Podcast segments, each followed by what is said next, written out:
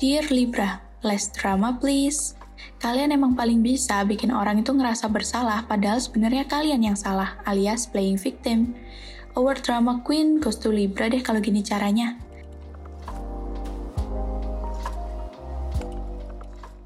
Percintaan untuk sobat Libra yang masih single.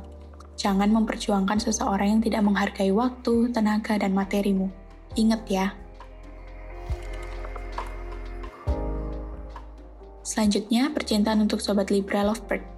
Jangan keras kepala kalau dinasihatin sama pasanganmu. Ya, walaupun gimana juga, bisa dibilang kalau pasanganmu itu adalah orang yang paling mengerti kamu setelah keluargamu.